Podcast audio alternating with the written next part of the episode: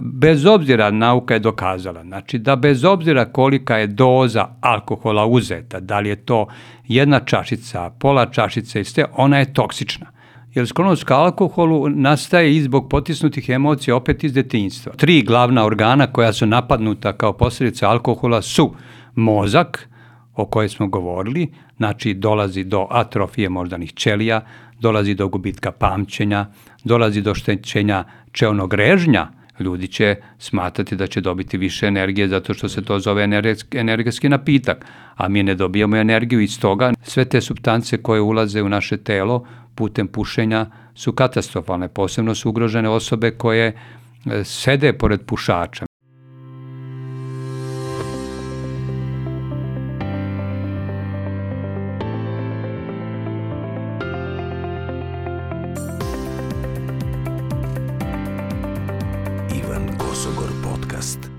Moje ime je Ivan Kosogor, a sa mnom je danas profesor dr. Momčilo Matić. Profesore, više nije potrebno praviti bilo kakve uvode o vama. Ljudi znaju, ja znam, vi znate. Dobro došli u podcast. Hvala lepo na pozivu, šta drugo da kažem. Uvek uh, jedno lepo, divno gostoprimstvo. Osjećam se kao kod svoje kuće, što kaže. no, mnogo mi je drago, mnogo mi je drago da to čujem i mnogo sam srećan što, što obrađujemo još jednu veoma važnu temu. Do sada su teme uh, uglavnom bile usmerene kao određenim ciljnim grupama i prosto ljudi su se pronalazili ili su znali nekog uh, kome može da pomogne ili je direktno ka njima. Međutim, danas pričamo o alkoholu, pričamo o tome kako alkohol utiče na, na naš organizam, uh, stvari koje možda ne znamo, a kojih bi trebalo da se bojimo i koje bi trebalo da znamo, uh, siguran sam da ćemo čuti danas. Uh, spomenut ćemo i kofeinske napitke i naravno cigarete. Zašto kažem da je ovo jedna drugačija tema, ajde, nisam planirao da pravim ovaj uvod, ali uh, prosto kao, kao neko ko je odrastao na, na, na našim prostorima, uh, alkohol se ne ne predstavlja kao nešto veoma opasno. Međutim, za mlade koji krenu da piju prvi put sa 14-15 godina i onda ne prestanu da piju do nekog perioda kada, kada je to već neophodno i, i imperativ u smislu ili ćeš da preživiš ili ili ćeš da nastaviš da piješ i uništavaš svoj organizam. Uh, nekako se alkohol posmatra kao eto uzručak ili uh, sastavni deo, normalan deo života, kao voda u, svo, u nekom slučaju, ajde da tako kažem. Uh, zašto smo kao kultura dozvolili da jedan taj uh, tihi ubica po znacima navoda bude sastavni i normalan deo našeg života? Pa najpre, uh, alkohol je substan, uh, organsko jedinjenje koje se sastoji iz vodonika, kiselnika i ugljenika, znači OH plus kiselnik i možemo ga smatrati kad govorimo o čistom alkoholu, znači kao u principu toksičnom jedinjenju, znači otrovnom jedinjenju, sam kao alkohol.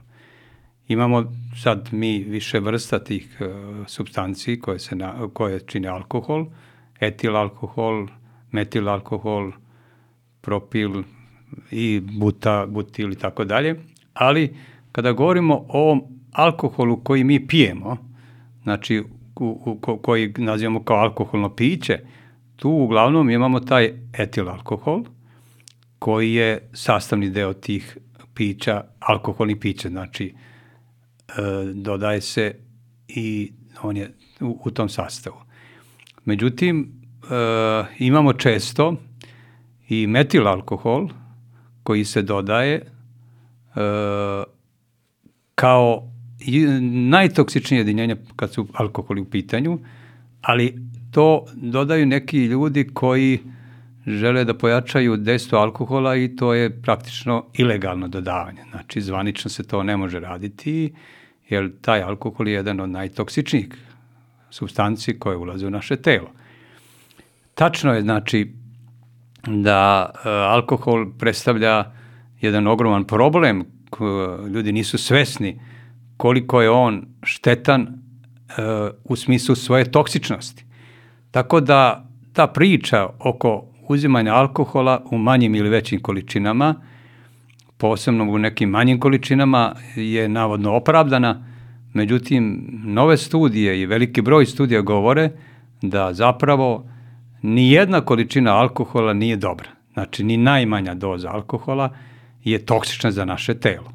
Naravno, manja količina će napraviti manju štetu, a veća će napraviti veću štetu. On se dobija inače iz voća, tom fermentacijom i e, nekih žitarica i uglavnom, kaže, možemo reći da su to jedinjenja koja nisu sastavni deo našeg zdravlja. E, e, možemo reći i to da je alkohol već odavno u upotrebi. Znači čak iz kamenog doba alkohol se koristio u nekim količinama, naravno mnogo manje, da bi kasnije postao jako široko rasprostranjen, sada u svetu posebno. Imamo zemlje koje dominiraju po uzimanju alkohola, znači kao što su Rusija recimo, pa onda Ukrajina, a mi smo isto tako negde tu pri vrhu te liste sa uzimanjem alkoholnih napitaka. Šta se dešava kada alkohol uđe u naše telo? Ajde da krenemo od, od te slike. Znači, popili smo, ne znam, rakiju, vodku, pivo. Šta se dešava u našem telu? Pa čim alkohol uđe u naše telo, on počinje da se razlaže zapravo. Znači, iz tog alkoholnog pića, bez obzira koliki je procenat, počinje njegovo razlaganje i apsorpcija. Razlaganje je e, malo sporije u odnosu na apsorbovanje. Otud se brzo i, i napijemo, jer je apsorpcija e, povećana. Znači, razlaganje e, može da traje, ali nema apsorbovanja u tankom crevu, gde alkohol ulazi u naše organe. E, on, znači, ulazi u želudac i tu počinje prvo razlaganje, međutim, u želucu imamo takozvanu alkoholnu dehidrogenazu, koja se stvara i koja počinje da e, deluje na e, substance alkohola. E, zanimljivo je zapaziti, kada već govorimo o toj alkoholnoj dehidrogenazi, da žene imaju negde oko 50% manji nivo alkoholne dehidrogenaze i zato je razlog da se to razlaganje ometa i one se brže i da kažemo brže potpadnu pod utjecajem alkohola i brže se napiju sa manjom količinom u odnosu na muškarce. Otud savet e, tim, tom ženskom svetu, kada se nalaze u nekim društvima, jel, da ne preteruje sa uzmanjem alkohola, jel će izgubiti kontrolu svog ponašanja i to jeste taj veliki problem što on deluje tako posle absorbovanja, brzo ulazi u krvotok, brzo ulazi u one organe koji mogu da već počinju da deluju e, neusklađeno sa ostalim delovima tela, to je mozak. Znači, kada alkohol uđe u mozak, on onda pravi određene promene na nivou najpre neurokorteksa, znači to je e, jedan deo e, kore mozga, gde se e, zapravo kontrolišu e, naše, naša voljnost, e, da se kontroliše naše ponašanje, e, da se kontroliše e, naš odnos prema drugim ljudima. I on tu deluje sedativno na neki način, znači on je s jedne strane sedativ, jer prosto nas kao malo opusti.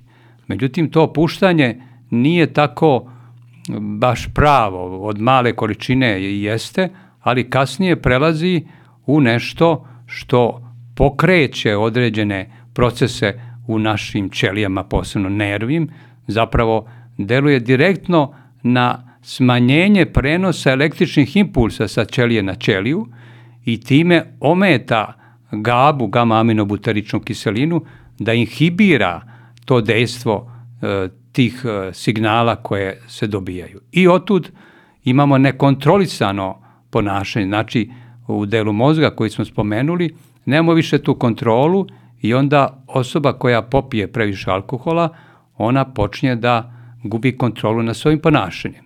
Znači, nema više, e, povećava se sloboda izražavanja, sloboda ponašanja, jer to zapravo čini alkohol. Pa onda imamo primere da se posebno muškarci gube kontrolu, onda počinju da to deluje i na hormone, na podizanje određenih hormona, posebno kod muškaraca, oni hormona koji čine zapravo ženske hormone, estrogen može da ide gore, pa onda muškarci počinju da se e, tu grle, da se izvinjavaju, da previše pričaju, dobijaju mnogo materijala za priču, jer su slobodniji, sedirani su, opušteniji su na neki način. Ali, a onda idu još i dalje, pa imamo situaciju da se muškarci čak počinju i grliti jedan drugog. Ajde da te poljubim. Znači imamo jedan poremećaj na nivou ponašanja koji je posljedica hormonskog statusa koji se dešava u čovekom organizmu.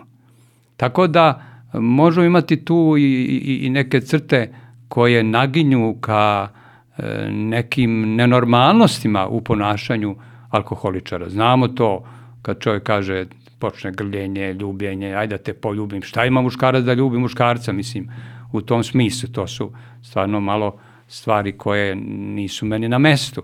Ali to je ta, kažem, sloboda da bi kasnije počeo, počelo to toksično dejstvo alkohola na naše ćelije, na, na naš mozak i da može doći do određenih promjena na nivou mozga, e, da dođe do atrofije moždanih ćelija, može da dođe do oštećenja određenih centara, kao što je recimo hipokampus, gde se e, zaboravljaju neke stvari, pamćenje se smanjuje i tako dalje. To možemo reći kada spomenemo spavanje i alkohol, koliko spavanje deluje na, e, kako spavanje nije poremećeno je kod alkoholičara, ali u principu e, dolazi do tih intoksikacija određenih delova tela, posebno jetra tada isto pogođena, jer jetra je organ koji mora da sintetiše alkohol.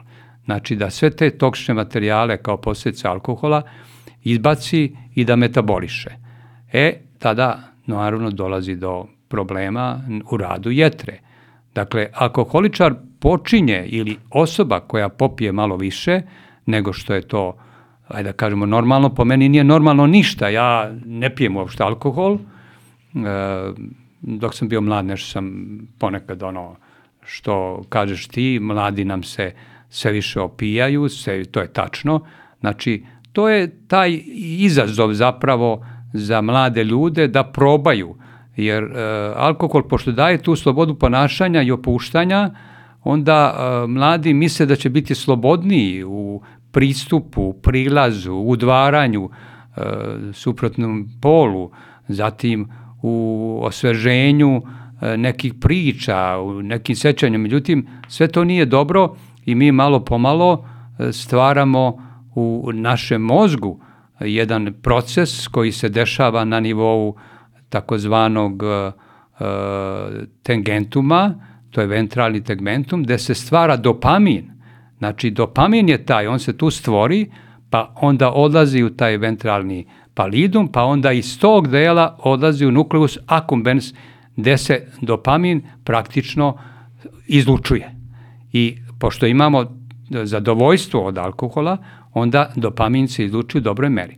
Malo pomalo, tako se počinje, najpre imamo izveštaje da se u porodici, da je najveći procenat počinjanja male dece u porodici, da se tamo postižu ti efekti kada deci se da da probaju, da navodno da se vidi da li je to gadno ili je ružno, pa valjda nek proba, međutim nekad, e, jer ti, kažem, receptori za alkohol e, su veoma prijemčivi. Oni na početku imaju odbojnost, a onda kasnije, kažem, i zadovoljstva, jer, jer, jer su snažni jaki su, brzo se vezuju za te dopaminske receptore i mi imamo zadovoljstvo na nivou dopamina, jer dopamin je taj koji nas stvara zadovoljstvo. Mi se lepo osjećamo, mi smo srećni, mi smo zadovoljni u tom trenutku.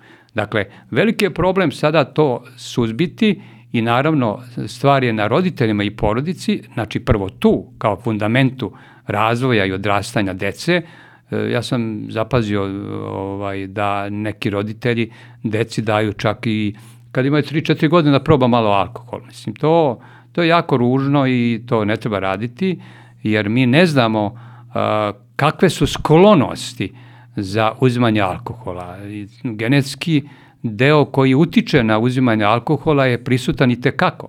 Mi imamo tu dve varijante. Ako su nam roditelji bili alkoholičari, recimo otac ili majka ili oboje, onda, a imaju više dece, onda jedno dete može stvoriti averziju prema alkoholu zbog uh, ružnog ponašanja i zbog uh, prosto verbalnog ili fizičkog maltretiranja koje imamo kao posljedica alkoholizma, a drugo dete će prihvatiti to kao dobar primer kako to treba činiti. Pa imamo u porodici uh, recimo brata i sestru ili dva brata, jedan je alkoholičar, jedan ne okuša alkohol. Znači, vidimo da je uticaj različit u zavisnosti od karaktera ličnosti koja je u porodici odrastala i kako je ona to u, svojoj, u svom posljednom umu prihvatila. Dakle, po, po svaku cenu treba izbeći nuđenje alkohola mladima i e, zapravo tu počinje sve od tih mladih, malih, malih nogu, što kažu ljudi, kada se stvara zavisnost malo pomalo, malo pomalo, mi kažemo nećemo, samo ćemo malo pa da probamo, ali s obzirom da je alkohol droga, slobodno se može tako reći, onda ne možemo da izbegnemo to. Čak neki smatraju da je veća droga nego i neki opijati poput marihuane, hašiša i tako dalje, jer se brzo, brže vezuje za te receptore i aktivnost se povećava. Uh, nekoliko stvari sad moram da vas pitam. Prvo je, da li kada ste rekli da nas alkohol čini slobodnim, da li je alkohol ono što nas čini onom, a, da li učini da, da budemo pravi mi ili je to neka lažna fasada, neka lažna sloboda ovaj, o, o kojoj sada pričamo? Pa, a, tačno je, e, alkoholičar ako ima potisnute emocije, a puno ih imaju, jer čim imaju sklonost ka alkoholu, jer sklonost ka alkoholu nastaje i zbog potisnutih emocija opet iz detinjstva. Ako imamo taj fenomen, onda on te svoje potisnute emocije želi da ispolji na neki način, ali nema slobodu da se izrazi, nema slobodu da to prenese i onda to čini kroz evo alkoholno opuštanje. Dakle, to je tačna činjenica da se ljudi slobodnije ponašaju i da mnogo se lakše otvaraju, kada popiju, pa onda postaju i plačljivi, pa onda postaju i e, osetljiviji i sve ostalo što nam govori da su ti ljudi nekad bili u depresiji, a mogu i biti depresivni, a u zapravo i depresivne osobe mogu i početi da piju alkohol. I to je jedna veza. Znači, ući u depresiju ili već biti depresivan, može se uzimati alkohol i u takvim situacijama. Dakle, to je tačno ali ljudi postaju i agresivniji. Ja sam radio dugo i kao konobar, izlazio sam kad sam bio mlađi, uh, dosta tuča i uh, svađi nastaje uh, pod uticajem alkohola, čak, uh, ne znam, bliski prijatelji su u stanju da, da se posvađaju oko nečega što se desilo pre par godina, na primjer, ili neke nevažne stvari, a to ponašanje je definitivno uh, rezultat zapravo alkoholnog stanja. Pa tako je upravo zato što nemamo kontrolu, kažem, kao što sam rekao u tom delu kore mozga, prefrontalnom režnju, nalaze se centri za kontrolu i mi e, tada gubimo kontrolu nad našim ponašanjem.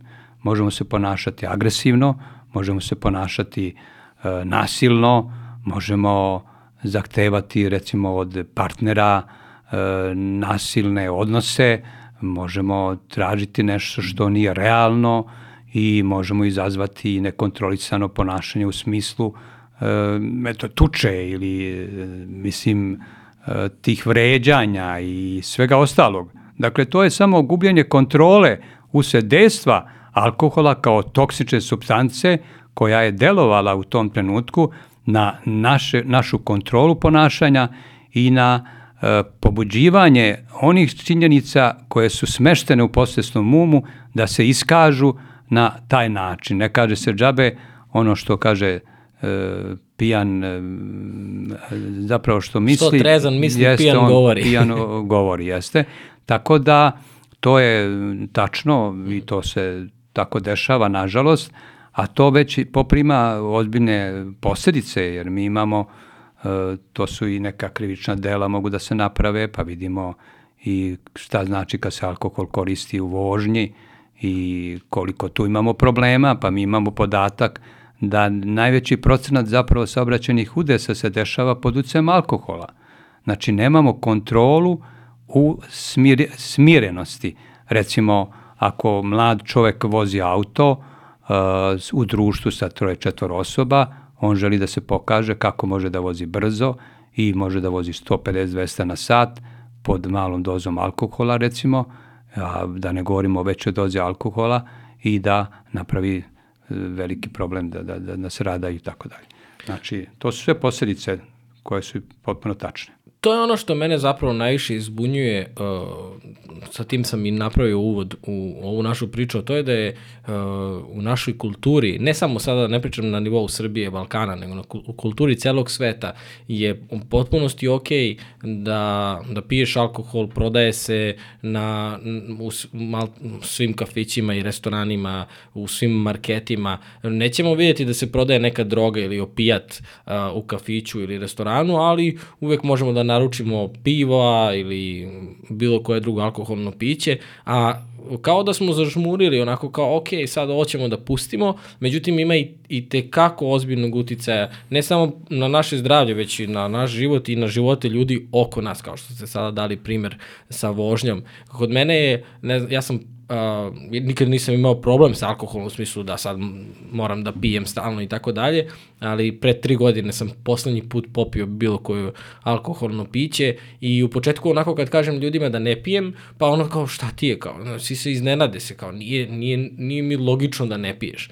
O, sad je to već prestalo, moji najbliži ono, prijatelji i drugari više me niko ne nudi, ovaj, čak ni kada su, ne znam, m, ne, ne, neka dešavanja, da li neko dobio dete ili neka svadba i tako dalje, prosto se više ne dovodi u pitanje da li, da li ću ja da uzem alkohol ili ne. Ne kažem da neću nikad piti, ali prosto taj, upravo što ste rekli, taj osjećaj da nemam kontrolu je meni nešto što je, ne znam, u ovom trenutku nedopustivo. Ne, ne, kao ne želim ni jedne sekunde da nemam kontrolu nad svojim životom. Ne želim ni jedne sekunde da budem uh, neko ko može da napravi bilo koju vrstu problema, hajde da tako kažem. Plus, nije mi, mm, toliko mi je lepo u životu, hajde da tako kažem, da ne želim da propustim neke stvari. Pod dejstvom alkohola mnogo stvari i zaboravimo. Pa neko kaže, a pa napio sam se da se provedem. Pa šta ti je bilo lepo kad se provedem? Pa ne mogu baš svega se setim. Mislim, pričat ćemo o, o, tom, o tom gubitku memorije, ali kao, pa, zašto se nisi Zašto si morao da se napiš? Mislim, Pa jednostavno tvoja snaga volje i e, razmišljanje i analiza da je alkohol štetan i da može da remeti tvoje funkcije i tvoj život u, u punom smislu je opredelio opredeljenje da se ne uzima ta substanca. Međutim, e, kod nas ovde, posebno na, naš, na našim prostorima na Balkanu, a u Srbiji po najviše, to je prosto nerazumljivo da čovek neće na slavi, na nekim, e, znači i na tužnim mestima i na lepim mestima, svadbama, sakranama, svadbama ovaj, i drugim tim veseljima, da ne popije neku čašicu alkohola, jer to je jedna prava kao uvreda za, za osobu koja nudi to, Međutim, e, ja opravdavam odustajanje da čovjek zaista ako ne pije, nemoj ga siliti da pije, jednostavno neće ili ne podnosi alkohol. Mi imamo ljude koji imaju averziju prema alkoholu. Lično ja imam averziju prema alkoholu, e, mada odobravam recimo da može čovjek da popije e, čašu crnog vina, to ćemo govoriti malo kasnije, ovaj, da li on ima neko dejstvo, ali u pravu si, e, znači sve to e, stvara zavisnost i ona osoba koja ne uzima alkohol na početku odma prekine sa tim, ona neće ući u zavisnost, jer zavisnost je ogromna i mi posle ne možemo da spašemo, spasemo osobu od zavisnosti. Kada uđe malo pomalo pa se stvara zavisnost. E, neko od stručnjaka čak i preporučuje kao ono jednu čašu, jednu čašicu ujutru i tako dalje. To su ljudi na selu nekad radili i sada rade, ali šta je to pokrivalo da nema nekih štetnih efekata, bez obzira nauka je dokazala, znači da bez obzira kolika je doza alkohola uzeta, da li je to jedna čašica, pola čašice i sve, ona je toksična. Znači jednostavno alkohol, etil alkohol je toksičan i tu nema dileme sa naučne strane. E sad, da li će on napraviti ogromnu štetu od te male doze? Neće, sigurno, ali ćemo kompenzovati ljudi koji žive na selu i popiju tu jednu rakicu ujutru, oni neće imati neke velike posljedice zato što imaju drugi život koji je uredan, znači spavaju na vreme, rade, kreću se, e, razmišljaju trezveno i tako dalje. To je nešto što je jedna priča, ali uzmo čoveka koji pije, a ništa od toga ne radi. Sedi za kompjuterom, e, recimo radi neki posao koji je monoton, e, radi neki posao koji mu je koji mu ne donosi dovoljno novca, on će biti na neki način i razočaran u sve to i on će uzeti taj alkohol da popije da bi nekako kompenzovao to svoje loše stanje i da e, popravi sve to u sebi da promeni ne nešto što misleći da će nešto da promeni time, misleći da će da se opusti. U, u tome je glavna stvar. Znači uvek mislimo da je alkohol sedativ. On kažem jeste, ali ne kao što su to neke druge substance koje nas opuštaju, kao što su neki čajevi koji imaju svoje određene substance koji zaista deluju opuštajuće, a ne stvaraju zavisnost. Znači, ako je nešto toksično, ono stvara i zavisnost. Recimo, ko voli alkohol u našem telu? Pa vole ga loše bakterije. Toksičnije, znači, pošto, sve što je toksično, naše loše bakterije žele. Teške metale, pa onda alkohol, pa onda te, te substance koje su loše za naše zdravlje. Znači, to, to je ta važna stvar koju moramo znati. Znači, ako imamo toksične materijale, nagrađujemo one naše bakterije u crevima i neke, da kažem, e, zavisnosti koji se stvaraju u mozgu da bi e, zapravo opravdali uzimanje alkohola. Tako da mislim da ne treba uzimati ni u kojim količinama, jer teško je kontrolisati uzimanje alkohola. Mali broj ljudi koji mogu da kažu, e, ja ću da pijem samo jednu čašu vina dnevno i to je završena priča. Ne može. Znači, teško to ide. To je mali procenat koji to radi tako.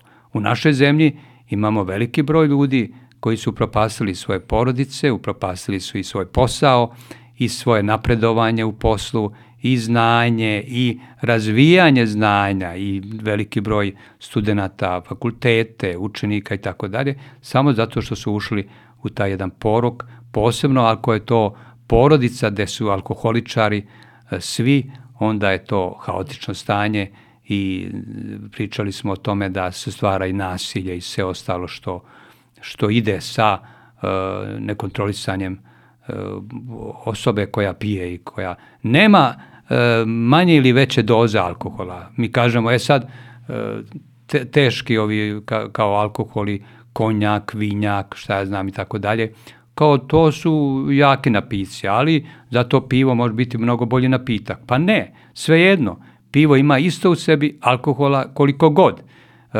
navodno pivo sadrži u sebi kao vitamina B. Pa to je tačno, ali to, to je u nekim malim koncentracijama. E, trebali bi da nadoknadimo vitamina B koliko ga normalno nadoknađujemo, popi, e, da popijemo negde oko 40 litara piva. Ko to može? To, to, to je stvarno preterano. Drugo, alkohol izaziva diurezu, on povećava izbacivanje vode iz našeg tela. Znači, ta toksičnost na, nastaje i u tom smislu. Znači, ako imamo mi povećanje izbacivanja vode, pa videli smo ljudi koji previše piju piva, jure po toaletu, samo evo čas, čas pa u toalet. I oni izbace vodu. Znači, alkohol je diuretik pored svega toga. Kada izbacuje vodu, on izbacuje i minerale i vitamine iz našeg tela. A samo dejstvo alkohola na smanjenu apsorpciju vitamina i minerala je prisutno samim uzimanjem alkohola. Dakle, imamo dvostruku štetu. M izbacujemo e, vodu i dehidrira naš organizam, mozak počinje da, da, da, da gubi vodu, a mozak kad izgubi vodu, onda gubi koncentraciju, gubi sposobnost razmišljanja, gubi sposobnost da funkcioniše normalno. kao što smo rekli, zbog, gubi sposobnost prenosa električnih impulsa. Dakle, ne, ne, možemo se pomiriti s tim i ne možemo opravdati uzimanje alkohola iz ovog iz, ili, ili onog razloga da nam to nešto bude bolje ili da nam bude dobro.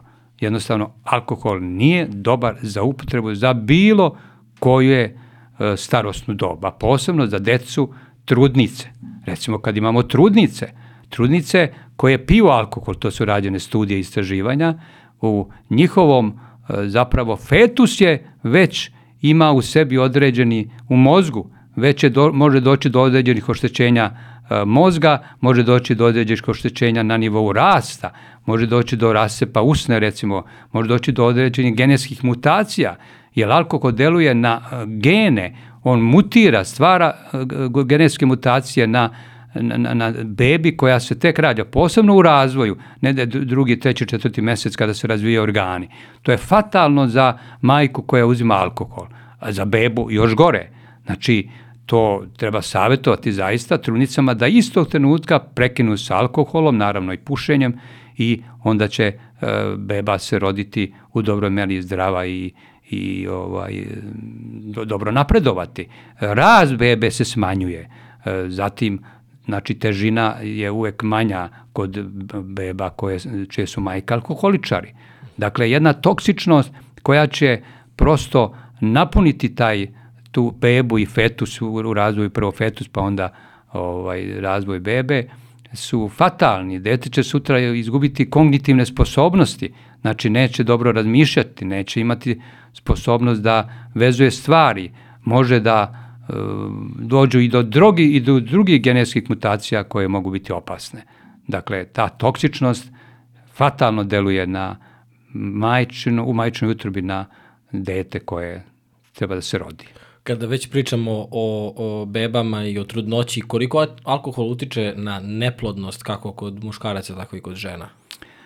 Pa i te kako. Recimo, e, kada osoba koja, evo recimo kada smo spomenuli bebe, bebe se rađaju sa e, ma, manjom, e, zapravo sa manjom težinom ili sa manjim izgledom testisa, što može da napravi veliki problem sutra u razvoju i izgradnji spermatozoida tih polnih ćelija.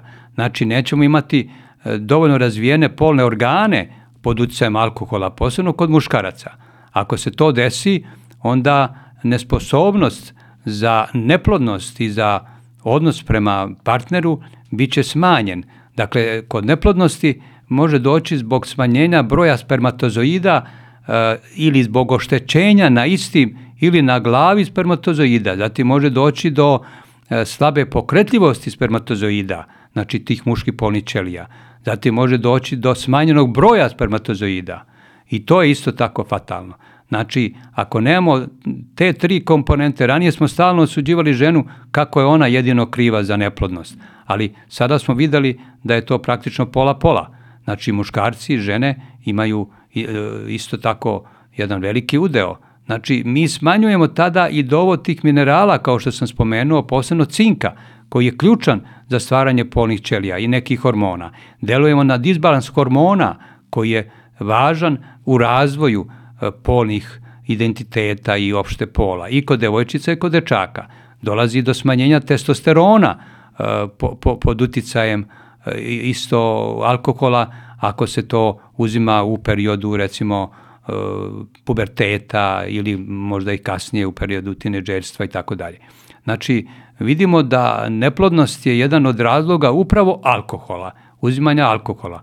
I sada kada radimo ta istraživanja i govorimo o neplodnosti, onda ne, ne, ne pričamo mnogo opet o tim uzrocima šta može biti, pa ako osoba previ redko to ko i pita, nego ajmo da idemo na veštačko plodnju, to je mnogo jednostavnije, a, a možemo puno učiniti da pre toga uh, ispitanjem osobe ili da vidimo šta radi, kako živi, kako se ponaša i sve ostalo, da smanjimo. Jedan od razloga, znači neplodnosti i kod muškarca i kod žene je uzimanje alkohola u periodu pre nego što se odluče za za potomstvo i vidimo da je veliki broj neplodnosti prisutan u Srbiji na ovim prostorima i da sve manje e, imamo te zapravo imamo sve više problema oko toga, a možemo na neki način pomoći i izbacivanjem alkohola i tih i drugih opijata i substanci.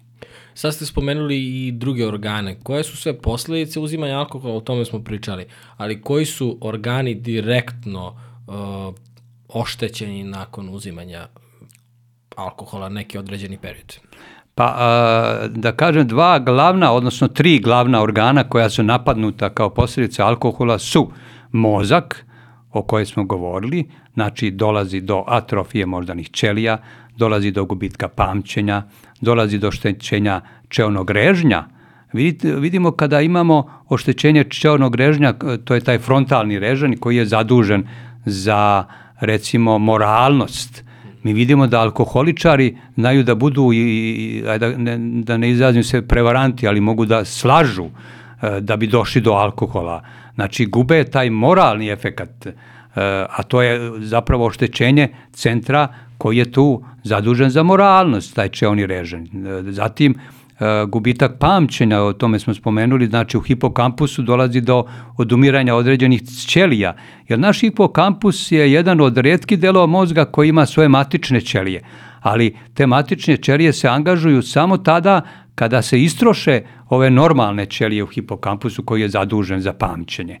I kada se to desi, onda a, imamo smanjeni broj naših ćelija i uzmaju se matične ćelije. Međutim, alkohol je sposoban da uništi što veći broj tih ćelija i da zapravo smanji broj ćelija u hipokampusu. Može da smanji i u drugim, u drugim delovima mozga. Gde je tu problem? Kada alkoholičar prestane recimo da pije pod utjecajem lečenja i tako dalje, posle nekog vremena, onda E, kao, ne možemo nikad ispraviti broj tih neurona, znači dnevnih ćelija koji je propao. Jedino šta možemo popraviti, možemo popraviti ta neuronska kola, neuronske veze koje će da se povećaju i na taj način da na neki način kompenzujemo stradanje tih naših nervnih ćelija ili neurona u našim ćelijama. Nije tačna informacija da svaki dan gubimo milijarde tih neurona taman posla, pa kad bi to radili, onda bi ih izubili za, za 10 godina, ne bi ni, ni mogli da razmišljamo ni da bitišemo. Znači, e, mozak je, kažem, e, jedan od prvih organa koji strada. Zatim, e, onaj organ koji treba da sve to metaboliše, da obradi, da izbaci te toksine je jetra. Znači, jetra, hepatociti te ćelije jetre mogu biti oštećeni u takvoj meri da se stvori njihova nesposobnost da više funkcionalno ne obavljaju svoj posao. Znači, može doći do najpre steatoze jetre kao najblažeg oblika, zatim može doći do onog mnogo težeg oblika, a to je ta ciroza jetre ili praktično e, gubljenje parenhima jetre, znači tkivo jetre počinje da propada i tada ulazimo u jedno jako ozbiljno stanje koje može biti fatalno i da se završi letalnim ishodom. Znači, jetra je ta koja strada najviše. Sledeći organ koji strada je pankreas. Znači, pankreas ako je izložen prevelikoj količini alkohola može doći do akutnog pankreatitisa i to posebno kod onih koji dugo piju. A akutni pankreatitis može da odnese život čoveka. Znači, tada ako se hitno ne obratimo e, stručnom licu ili u bolnicu ne odemo, onda zaista može doći do, opet kažem, tog letalnog ishoda ili do smrti, jer je pankreatitis jedan od velikih problema kod alkoholičara. Znači to, zatim bubrezi, bubrezi treba isto zajedno sa jetrom da izbace sve te toksične materijale, da je kroz ureu, da je da izbace kroz mokračnu kiselinu i tako dalje. Međutim i oni mogu biti oštećeni, znači parenhim bubrega, pa onda a, mogu biti oštećeni a, mišići jer neće imati a, dobar prenos tih električnih impulsa da se vrši kontraktilnost, pokret mišića. Mogu biti oštećeni i naši zglobovi isto tako može biti oštećen vid koji je ključan isto u, u, u tome, može doći do takozvanih e, perifernih e, oslabljenih cirkulacije u perifernim delovima našeg tela, znači stopala, noge, pa zatim opet kažem gore govorimo o cerebralnim ćelijama mozga i tako dalje, znači gde ćemo imati bolna stopala, gde ćemo imati probleme, možemo ući u Eh, kroz oštećenje pankreaza možemo ući u diabetično stanje, možemo smanjiti dovod eh, tih hranjivih sastojaka pod ucem alkohola jer sprečava, on razlaže, on metaboliše određene dobre substance i e, zatim sprečava dolazak tih hranjivih sastojaka, odnosno kiselnika i, i, ovoga, i glukoze u naše mitohondrije. Evo ja često spominjem te mitohondrije jer one su glavne centrale za proizvodnju naše energije. Alkoholičar nema energije jer je zarobljen, jetra ne može da obradi sve ono što je potrebno glukoze dovoljno za mitohondrije, zatim pankrijas ne može da uradi sve to što treba i stradaju naše mitohondrije kao e, prave baterije za stvaranje energije. Znači, nema energije. Znači, mogu biti oštećena pluća, ako je to povezano još i sa pušenjem, onda imamo duple e, pro probleme. Može biti oštećen na neki na, način i sluh. Zatim, ovaj, često kada govorimo o tim e, ozbiljnim poremećajima kao posljedica alkohola, a to je oštećenje usta, pa imamo kancer usta, pa može biti oštećen jednjak, isto tako, kancer jednjaka je prisutniji, pa onda želudac isto tako može biti oštećen, znači da dođe do erozije suzokože želuca, pa i do kancera želuca, 12-palačnog creva, debelog creva, znači mi imamo takvo, ja sam gledao jedan snimak oštećenja kao posljedica alkoholičara, na debelom crevu, zidovi su potpuno erozirani, potpuno su uništeni i takvi zidovi na, na crevima mogu da stvaraju veoma ozbiljne probleme, mogu da izazovu, kažem, polipozne promene, mogu da stvore takve, takva oštećenja da kroz te zidove creva prolazi sve i svašta. Znači, to je isto jedan od posljedica. Znači, vidimo da imamo zaista puno kancer rektuma, recimo zadnjeg dela debelog creva, Znači, imamo puno stvari koje onda napad na imunni sistem. Znači, naš imunni sistem je uh, upola manje radi nego kada nemamo alkohol. Uh, smata se da on deluje protiv infekcija, pa on to trenutno može da uništi bakterije koje se nalaze na nekoj površini, ali u krajnjem ishodu on deluje na imunni sistem ubitačno, jer on smanjuje te limfocite, posebno smanjuje NK ćelije, takozvane killer ćelije, koje e, patroliraju našim organizmom, to su delovi te limfocita, e, zapravo grupa te limfocita, koji ubijaju viruse, koje sprečavaju kancerogene substance, mogu da isključe određene gene u našem telu koji isto tako ubijaju kancerogene ćelije kao što je TP53 na 17. hromozomu. Znači, mogu da potpuno denaturišu taj sistem, imunni sistem, da ga izbace iz koloseka i da uđu brzo u neke infekcije o, o, i dolazi često do infekcija kod e, ovih alkoholičara. Znači, imamo puno ti promjena, mogu doći do promjena na koži, mogu da se izazovu autoimuna oboljenja, jer alkohol pospešuje nastanak autoimunih oboljenja, jer stalno inicira uh, ulazak, uh, zapravo aktivaciju tih B limfocita i tako dalje. Znači, imamo puno, puno problema E, skoro da nema našeg organa, evo dešava se da imamo i e, e, kancer na, na vratu, recimo vrata, glave i tih drugih oboljenja koje su posljedica tih alkoholnih, alkoholičara i uzimanja alkohola. Znači, gubitak na težini ili dobijanje na težini, to isto može biti posljedica u zavisnosti šta je alkoholičar uh, kakav mu je karakter i kakve su mu osobine i kako se hrani i sve druge neke osobine koje su vezane za ličnost. Dakle, e, skoro sve promene se dešavaju na nivou našeg organizma. Nema gde alkohol neće dirnuti i gde neće zaviriti u, u delove našeg tela i naših ćelija da ih one sposobi da one ne funkcionišu kako treba. I evo sada pričamo o svemu ovom i onda se još više čudim uh, taj, da smo kao društvo i kao kultura dozvolili, ali na nivou celog sveta, da, da alkohol bude jedna normalnost i nešto dostupno kao što nam je dostupan hleb, uh, a to je maltene suda. Uh, spomenuli ste mi kad smo pričali o ovoj temi i kada smo pričali koliko je važno uh, francuski paradoks. Šta je to? Pa a, smatra se da Francuzi piju dosta vina i da zato imaju smanjen broj a, kardiovaskularnih oboljenja, što je u nekoj meri tačno. Međutim, Francuzi, ja sam jedno vreme i boravio tamo i baš sam razgovarao i išao na njihove te ručkove večere i posmatrao sam kako oni žive, kako se hrane i šta rade i onda sam zapazio da zaista oni e, popiju malo više e, tog alkohola, ali kažem kroz oblik vina. Poznata je činjenica da recimo e, kada govorimo o vinima, da određene vrste vina, kao što su crna vina, recimo, imaju u sebi određene substance koje deluju kao antioksidansi. To je grupa servaratola, e, substanci koje zaista deluju antioksidativno. E, zatim imamo tu rutin, isto jednu substancu koja deluje isto tako, na, na, na sličan način i ali to imamo isto i u grožđu.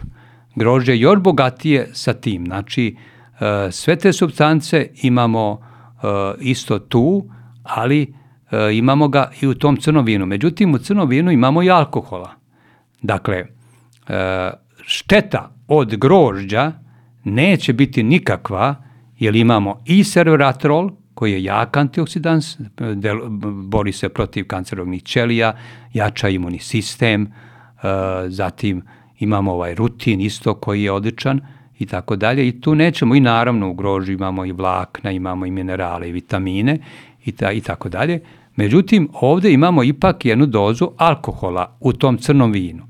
E sad, uh, imamo pomoći neke, tačno je da će taj seroratrol delovati pozitivno na krvne sudove, ali imamo drugo nešto šta sprečava Francuze da ne oboljevaju od kardiovaskularnih problema, pa mislim da tu i leži ta opravdanost uzimanja, oni se pravilno hrane.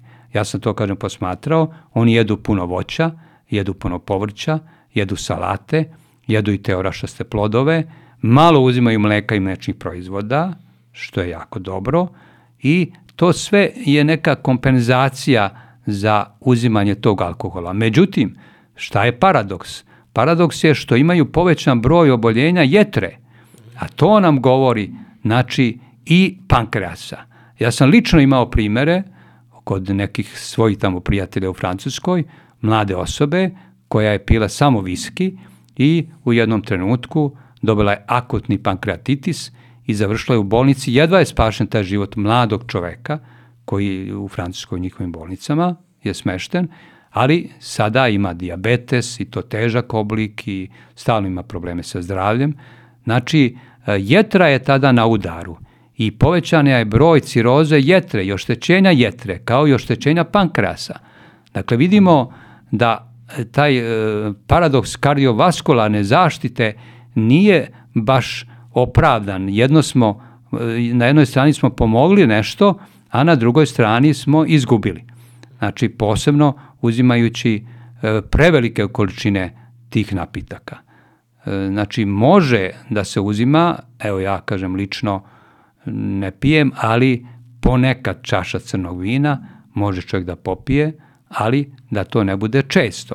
Međutim, kod osetljivih osoba i te male doze i te male količine ili kod osoba koji imaju određene predispozicije za oštećenje nekog organa, a bilo koji od ovih kojima smo pričali, može biti loš i za, za te e, osobe može biti fatalan. Ima primjera e, leukemije, nastanka leukemije kao posljedice uzimanja alkohola i to u malim količinama. Znači, Naravno, verovatno je to udruženo i sa nekim drugim faktorima, ali u principu anemije isto tako. Znači, osobe budu anemične, e, posebno u nekim situacijama žene mogu biti tu, e, ovaj, dosta oštećene zbog tih menstrualnog odliva i tako dalje, ali znači vidimo da taj francuski paradoks jeste paradoks stvarno, ali eto, e, ne možemo se pohvaliti pa da kažemo, e sad oni žive duže, Eh, jer imaju ove druge probleme i mogu dobiti neke druge vrste kancera eh, zbog, lično zbog uzimanja tih alkoholnih napitaka. Eh, poznajem lično i ljude koji kažu, eto, najbolje se naspavam kad se napijem, odmah zaspim ili pred spavanje popijem jednu ili dve rakice da se opustim pa onda, onda lakše zaspim. Sad slušajući vas, koliko, je to, koliko je to velika zabluda i zašto, zašto ljudi povezuju to tako? Pa a, zabluda je zato što je alkohol, rekli smo, sedativ. Znači, ako ga mi popijemo pred spavanje, mi ćemo a, opet izvršiti jed, jedan, jednu sedaciju u delu mozga, opet ponavljam, to je deo mozga, taj prefrontalni, prefrontalna kora mozga, koja će da sedira u tom trenutku da napravi kao opuštenost jednu. Međutim, kada spavamo, poznata je činjenica da osoba kada uveče pije, onda ima isprekidan san. Sutradan ona nije ni svesna toga. Ne seća se, zato što se gubi sećanje. A često ustaje i e, remeti san. Znači, mi imamo, to smo govorili u jednoj emisiji, ti 4-5 faza sna, a ovde imamo jednu fazu sna koja je ključna za zbog e, remećenja uzimanja alkohola, a to je ta REM faza – REM faza je faza sanjanja. Mi kada sanjamo, mi tada, e, ljudi koji sanjaju, svi ljudi treba da sanjaju, mi tada kupiramo sve one informacije koje su grupisane u, u, u jednom segmentu. Znači, ako učimo recimo neke stvari iz algebre ili ne, nešto što je zbirno, što treba da skupimo sa jedno mesto, to ćemo postići e, u REM fazi našeg sna, znači u toku sanjanja tada dolazi do tih kreativnosti, do tih kombinacija, da stvaramo celinu od onoga što je pocepano ili parcijalno uništeno. Međutim, ovde REM faza praktično izostaje kod ljudi koji piju. Pa kada izostane REM faza, onda to se prenosi i na e, pamćenje. Znači, ne možemo da zapamtimo, tada je umešani hipokampus, gde ne možemo da zapamtimo dobro ono što smo radili. Rađeno istraživanje jedno u tri grupe, gde su uh, ljude recimo podeli u tri grupe po 20 ljudi i prve noći uh, niko nije dobio alkohol pre spavanja. I zadat im je neki zadatak da urade i sutradan su oni to 90% dobro uradili, svi su odgovorili. Međutim, Prva grupa je ostala i dalje kao kontrolna grupa, druga grupa je dobila dve čašice alkohola da popije pred spavanje, a pre toga su imali pamćenje, znači posle toga da popiju alkohol, a treća grupa je dobila samo, samo prvi dan, a drugi dan je dobila treća grupa i drugi dan da popije po dve čašice. Znači jedna grupa dva dana, jedna grupa jedan dan, jedna grupa nije dobijala ništa. Posle sedam dana su izvršili ispitivanje. Ona grupa koja je dobijala popila jednu čašicu pre spavanja, za 50% je izgubila moć pamćenja onoga što su radili i učili te večeri. Ona grupa koja nije pila alkohol ostala je sa 90% pamćenja. Ova treća grupa imala je negde oko 40% smanjeno pamćenje. Dakle, videli smo da alkohol deluje direktno na e, pamćenje osoba koje popiju pred spavanje. Dakle, to je jedan podatak koji je potpuno validan, rađen je na institutu za spavanje u, na Duke universitetu, čini mi se ovaj, tamo, i e, koji nam govori da remećenje REM faze i e, zapravo nesposobnost hipokampusa da zapamti ono što smo radili pod utjecajem alkohola se gubi, jer se razlaganje alkohola ne obavlja brzo. Negde ostaje po, po dan, sve ostane zarobljeni neki elementi ili substance alkohola u našem telu. Znači, alkohol direktno deluje na naše pamćenje i na e, smanjenje REM faze sna, koja se pojavljuje četiri puta u toku noći i to je pogubno. Osobe koje ne spavaju pa 3, 4, 5 dana, one su potpuno konfuzne. One sutradan imaju halucinacije. Te halucinacije su jako važne. Zašto? Zato što se one javljaju u budnom stanju.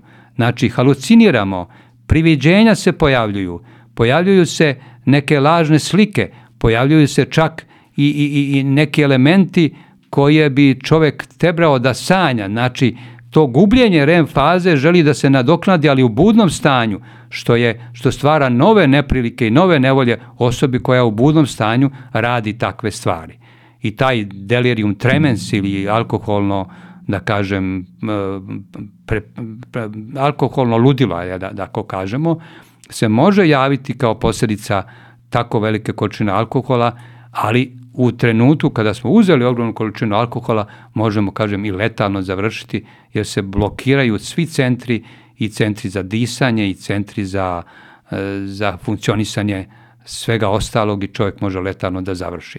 Znači, vidimo da je spavanje i kako važno, ali bez alkohola. Znači, nikako ne treba uzimati alkohol za večeru. Ako već uzmemo neku čašicu, onda to možemo uraditi samo u prepodnevnim časovima. Znači, popodne ne. Ali ja ne bih preporučio ni u prepodnevnim časovima. Na, eto, to, to je ta veza jedna koja je naučno dokazana da deluje fatalno na naše faze sna, posebno na fazu sanjanja ili REM fazu. Ajde sada da krenemo u onom drugom pravcu, to je kada pijemo alkohol, ali pijemo i energetska pića. I sada energetska pića i alkohol su uh, mogu se piti u raznim kokte Dobra koktelima, da, da, u raznim koktelima, ali se piju i u kombinaciji gde će biti, ne znam, neko energetsko piće, a pored recimo čisto alkohol u smislu votke, rakije ili šta već ljudi kombinuju danas. Ovaj, koja je to tek uh, sila koja uništava naš organizam? Šta se tu pa, dešava? To je zaista uh, jako opasna situacija. Ako uzimamo recimo energetska napitka, napitke koji sadrže u, te, u sebi taurin, to je aminokiselina koja u pretaranim količinama zaista pravi haos u, u na, našem mozgu, pa uzimamo uz to i kofein koji je prisutan u, u tim energetskim napitcima i to u dobroj koncentraciji, negde oko 350 mg kako sam ja video, i uzimamo efedrin koji sužava krvne sudove, uz to dodamo i alkohol, zaista možemo da završimo uh, sa, sa tim smrtnim ishodom, posebno mlade osobe, ako uz to uzimaju neke opijate, poput nekih narkotika i tako dalje, i to se dešava u praksi, da izgubimo mlad život samo zahvaljujući tome. Znači, to je jedna jako opasna uh, kombinacija koju ne bi smela, smeo niko da primenjuje i to zaista, ja ne znam ko to radi i zašto to radi, rade da bi se dokazali verovatno kako mogu da izdrže takve pritiske na svoje telo i na svoj mozak, a u stvari nisu svesni. To se radi u nesvesnom stanju, jer kad čovjek uđe u te kombinacije, on to nesvesno radi, jer posvesni um e, sve to diriguje i traži, a verovatno je i zavisnik. I onda svaki doping, jer e, doping se povećava, zavisnost e, se uvek povećava zato što nemamo dovoljno dopamina. Kad god uzmemo jednu dozu pa povećavamo dozu, onda dopamin se, zapravo receptori za dopamin otupljuju, oni više nemaju prijem takav i onda nam treba još dopamina. I ako u, u, u tom takozvanom ventralnom tangentumu nemamo proizvodnju dopamina, onda imamo problem. Pa evo, poznate činjenice, onda ulazimo u te tremore, onda možemo ući kada nema dovoljno dopamina, to je povezano i sa Parkinsonovom bolešću. Mi imamo i neke mlade ljude redko, ali da obolevaju od tih. Znači, alkoholičari često mogu da imaju problem sa Parkinsonom bolešću ili ljudi koji imaju neke udarce i tako, bokseri, futbaleri i tako dalje, mogu, kažem, sad je druga tema, ali e, znači nije dobra kombinacija i to treba izbjegavati po svaku cenu. Ja ne mogu da shvatim e, društvo, evo recimo u Americi e, kada je u neko vreme, ne znam u koje, u Kaliforniji, E, zapaženo i proučeno da je alkohol zaista štetan po zdravlje ljudi e, i da uništava sve živo i socijalne odnose i porodice i sve, onda je zabranjen bio kompletno alkohol gradonačelnik Kalifornije je zabranio i nije se uopšte mogao prodavati alkohol. Međutim, industrija je sada učinila svoje da je tu dobra zarada, pa evo i kod nas je bilo zabranjeno za mlade, pa su ponovo pustili da mladi ne mogu kupovati. Mada to nije mnogo ni sprečilo, kupovali su neki drugi, jel? ali u principu ipak ako postoji neka ograničenja i ako neko predlaže da to ne treba da se uzima, onda sama ta zabrana nam govori, pojačava dejstvo štetnosti alkohola. Znači, daj da to, pa koliko toliko, pa vidimo mi ovde, mislim, to je opet novac, zarada. Vidimo samo u, našim, u našoj zemlji i u drugim zemljama kako se organizuju ti festivali, te piva, te festivali, ovoga ili tih raznih manifestacija i tako dalje. Ja nemam ništa protiv toga, ali kažem, tu se sve uvodi, koliko je mladih pijanaca, e, mladih ljudi koji su postali zapravo alkoholičari posle svake te predstave, Uh, sad može neko da me napadne zbog toga kaže šta vi kudite, to uzimite nam novac. Ali mislim, to je činjenica. Stotine mladih ljudi postaju alkoholičari posle svakog festivala, je tako? Ali to, tu smo mi nemoćni. E, tako da e, uzimanje tih kompleta, a uz to uzimanje loše hrane, jer oni ne biraju mnogo tada e, veliki izbor hrane, oni se tada uvek hvataju za onu lošu hranu, za neke grickalice, za neke substance koje će da poremete rad creva, da će brže alkohol da se absorbuje, čak neće ni da jedu, jer alkohol ima u sebi glukozu, koja može, alkohol može da smanji nivo glukoze i da poveća nivo glukoze u zavisnosti od rada ostalih organa. Tako da e, kada smanji nivo glukoze, onda mozak nema dovoljno glukoze i evo novog problema. Nemamo koncentraciju, nemamo dobar rad mozga, nemamo e, pamćenje, e, gubimo oštrinu uma, eto i tu posljedice. Znači, oštrina uma se potpuno gubi kod alkoholičara. Ovo je sad super što ste napravili kao bu, bukvalno plastičan primjer gde jedna stvar vuče drugu, a to je da kad kreneš sa alkoholom, pa ne znam, energetsko piće, postaješ nesvestan, pa onda su tu neki opijati, onda je tu i loša hrana, onda sutradan malo te ne gubiš ceo dan jer moraš da se vraćaš u tu neku normalnost, ali ti i dalje vuče da se napiš ponovo ili da odeš u tom pravcu, a opet sa druge strane, sad, sad sam samo onako razmišljao, uh, kada sam ja recimo rekao, ok, neću više da pijem, to je onda vuklo neku drugu stranu, da sam krenuo da treniram, onda sam shvatio da ja ne mogu da priuštim sebe, na, ovih dana snimamo svaki dan po dve, tri, zamislite da sam ja sinoć se napio.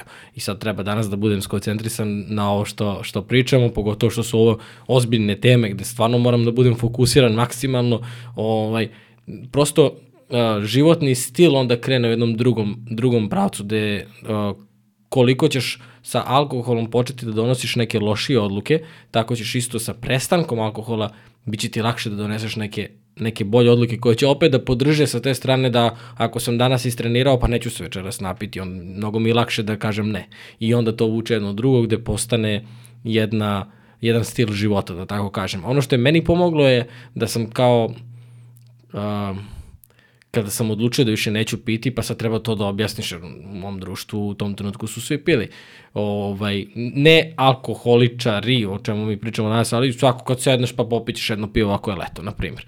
E, meni je bilo kao, mm, neću praviti presedan, u smislu neću popiti ni jednu čašu, upravo iz tog razloga jer sutra ću opet da sedem s nekim pa će to biti nepoštovanje, o čemu smo pričali, ali isto tako uh, nisam rekao da nikad više neću piti, tako da mi nije postalo pritisak, samo je postalo jedna odluka koja se ispostavila ovaj, kao jednom od, od boljih odluka, zato što je ovo već tri godine, sve ovo o čemu pričate sada, uh, ja nemam strah, mislim, prosto to nije, to nije sastavni deo mog života. Pa jeste ovaj, da smo mi nas dvojica sinoć se napili, uh, mi bi možda pričali možda više, ali ne bi znali šta bi pričali, mislim, u tome je stvar, jer ne bi imali oštrinu uma i tu koncentraciju, to si u pravu, mi bi mogli da imamo puno reči, puno priče, ali ona ne bi bila validna, ne bi bila korisna za naše drage gledaoce i, i to je taj problem, znači, to nema dileme, to je potpuno jasno. Da bi očuvali oštrinu uma i da bi očuvali naš mozak da ne atrofira prerano, Pa evo vidimo ljude recimo koji imaju po 90 godina koji nisu pili alkohol, imaju i dalje jaku i zdravu oštrinu uma, e, posebno intelektualci koji se stalno nadograđuju. Ne možemo nikad nadograditi, recimo alkoholičara ne interesuje nadogradnja znanja, nego ga interesuje samo kako da dođe do te doze alkohola i kako da sebe zadovolji time, tako da je E, alkoholičare teško i lečiti, mislim to je prava muka da se oni odluče da, da, da se leče i te ustanove za lečenje zaista imaju puno problema sa alkoholičarima, jer oni krenu pa stanu, pa e sad tu ima, to znaju stručnjaci, kako se može pomoći e, kod takvih stanja, u to ne bih ulazio, ali u principu e, najbolja je odluka da čovek koji E, zaista ima sklonost ka alkoholu, e, on ima sklonost i ka drugim porocima, kao što si rekao. Recimo, poznata je činjenica da pušenje i alkohol je najbolja moguća kombinacija za nastanak mikrocelularnog kancera, kancera pluća. To, to je ovaj, prilično dobra kombinacija. Ako uz to ide i stresno stanje, loša ishrana, nespavanje i nevežbanje, onda e, mogućnost, ako postoji sklonost genetska za probleme na plućima, onda, boga mi, dolazi do tih e, najtežih oblika recimo kancera pluća, što ja iz prakse znam od ljudi koje su bili u mom okruženju. Znači to, je, to bi bio recept kog ne treba da se pridržavamo. Tako je. Tako je. Da se vratimo na energetska pića, stvara se zavisnost i od toga, da li je to moguće? Kako ne? Pa ako imamo ove substance koje su tu prisutne, isto imamo alkohol, pa sad taj ko koktel svega toga što nam se ponudi stvorit će zavisnost i ljudi će smatrati da će dobiti više energije zato što se to zove energetski napitak, a mi ne dobijamo energiju iz toga, nego mi možemo prividno dobiti energiju na neki način u nekom trenutku, ali pravu energiju dobijamo, opet se vraćam, na one naše centrale koje su ključne u našem organizmu, a to su mitohondrije. Ako one neće dobiti gorivo za proizvodnju energije za naše razmišljanje, za naše pamćenje, za naše fizičko ponašanje i za rad, e, iz tih e, sastojaka, nego će dobiti iz pravilne i zdrave ishrane, a to je glukoza i kiselnik. Alkohol e, deluje izuzetno loše na dovod kiselnika u telu, jer on blokira dovod kiselnika i znači ta saturacija bude uglavnom problematična. Znači nemamo, ulazimo u hipoksiju i to je isto tako veliki problem kod alkoholičara. A i to mi trošimo recimo na trežnjenje alkoholičara svake godine u Srbiji poznatni podatak negde oko 10 e, miliona evra godišnje samo da je otreznimo ljude koji su se napili.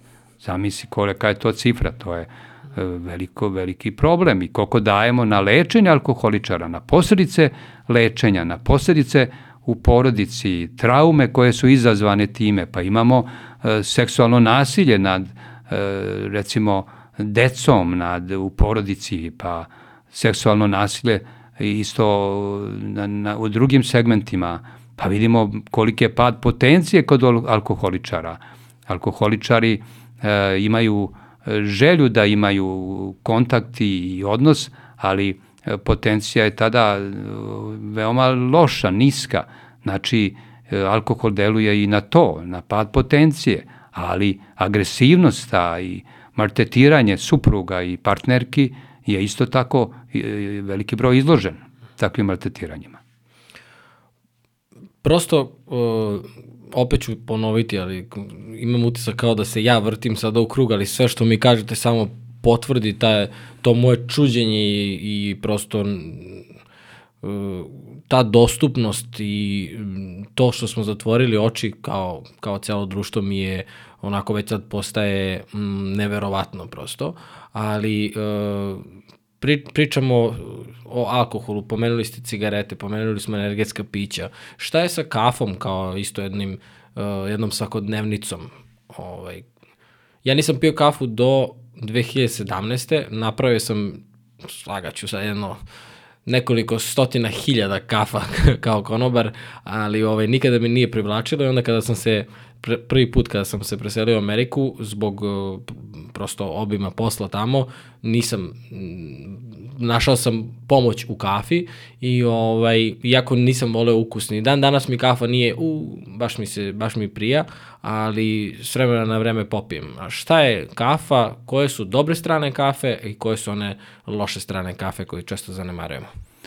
Pa kafa, smem, smem reći, a to kaže nauka, ima veliki broj ljudi koji proučavao kafu, recimo profesor William Dement, profesor Andreja Treš, profesor Stefan Černiski, pa evo i ovde naših stručnjaka ima u institutu Batut koji proučavaju i sve te stvari. Kafa je isto javna droga, mislim, može se tako reći, jer stvara zavisnost. Sve ono što stvara zavisnost u našem telu možemo nazvati kao e, element e, droge, znači prodaje se javno i to je to. Dakle, u kafi imamo negde oko 100 substanci koje su jako nepoželjne. Tu su e, metanoli, isto jedan deo ovaj, iz grupe tih loših substanci, etanoli, fenoli, ugljenik, dioksid i onda imamo amonijaka i tako dalje. Dakle, a jedna od najvažnijih substancija je upravo kofein. Kofein je substanca koja može da stvori zavisnost u našem telu, opet preko ovog našeg centra, nukleus accumbens gde podiže nivo dopamina. Znači, kofein je metilksantin, odnosno alkaloid, pripada grupi alkaloida, koja e, remeti e, nivoje naših hormona, koja remeti naše pamćenje. Ona u trenutku, kofein kada uđe u naše telo, on može da kao malo izoštri pamćenje. U stvari ne izoštava pamćenje, nego podiže nivo sposobnosti da budemo budni, znači on, on, kofein nije sedativ, nego kofein nas čini budnim, ali to se samo radi trenutno. Znači, on ima jednu sposobnost da e, prekursor adenozin monofosfata, adenozin monofosfat, odnosno prekursor adezonin trifosfata koji se stvara energiju našim tim mitohondrijama, e, podigne na negde za 1200 puta, recimo, da poveća njegovu aktivnost tog adenozin monofosfata. A šta se tada dešava? Adenozin monofosfat kao prekursor stvaranja energije, on može da e, zapravo blokira rast, e, da postakne rast nekih izrastina u telu. Pa recimo, videli smo da, to je lepo spomenuti i za ove i za kancer dojke recimo kod alkoholičara alkohol remeti hormone i podiže nivo loših hormona u dojci, može da, da pospeši nastanak kancer dojke, a sada govorimo o kofeinu koji ima slična dejstva. Znači, profesor Minton sa Univerziteta Ohio iz, uh, u Americi, on je ispitivao prisustvo tog adenozin monofosfata, pa je utvrdio da njegovo prisustvo po gramu belančevine u, u dojci, radio konkretno na dojci, je negde oko 3,4 pikomola po gramu po, po jednom gramu belančevina. Pa je onda utvrdio uh, kod onih osoba koje ne piju kafu, znači to je ta jedinica, Kod onih osoba koje piju kafu utvrdio da je to negde kod 9,8 pikomola, a kod o, o, o, i, i e, o, te osobe su imale neke fibrociste, ciste ili neke čoriće na dojci i tako dalje. Kod meta procesa na dojci utvrdio je da prisustvo adenozin monofosfata po gramu belančevine 30,4. On je naučno dokazao, znači naučno dokazao da one osobe koje uzimaju posebno previše kofeinskih napitaka mogu pospešiti nastanak kancera dojke kroz ove oblike, kroz podizanje adenozin monofosfata, jer enzim koji razlaže taj adenozin monofosfat, sad je malo stručno, fosfodiesteraza, ne može da razloži tako veliku koncentraciju i onda on postiče rast e, tumora. O, to je radio na dojci. To može da se desi na prostati.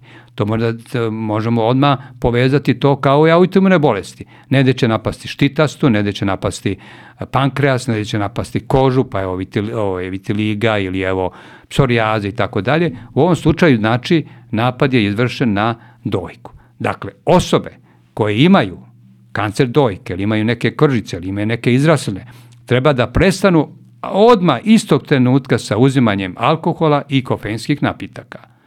Kofein remeti rad hormona u našem telu. Kofein najpre podiže nivo kortizola. Zato ujutru kad ustanemo kaže ne mogu bez kafe. Posebno ako je kortizol nizak, jer kofein podiže nivo kortizola, istovremeno podižući nivo insulina, ali istovremeno podižući nivo holesterola.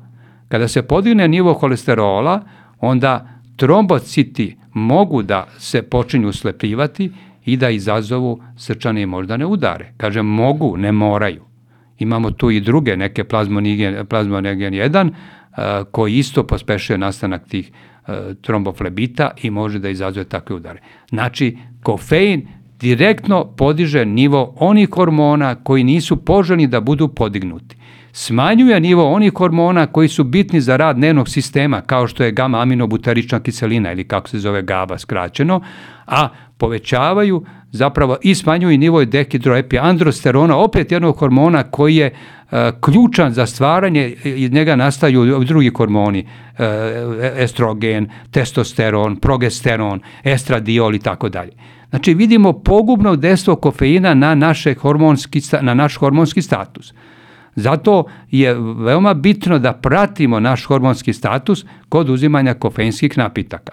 Jer, kažem, možu, mogu poremetiti te substance. Dalje, kofein može po, po, poremetiti rad srčanog mišića da dođe do određenih ubrzanih rada, ubrzanog rada srca, do tih palpitacija, do aritmija ili tahikardija, lupanja srca, a može da smanji destvo takozvanih mostića, endezvanih mostića koji se nalaze u srčanem mišiću i da time nema dobra prenos tih frekvenciji preko sinusno-atrijalnog čvora.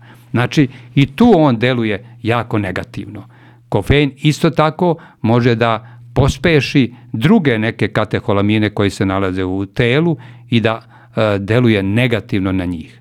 Kofein stvara zavisnost, opet kažem u ovom nukleusu akumensu, podižući nivo dopamina, a smanjujući nivo opet jedne substance adenozina i melatonina koji su nam potrebni za dobar san.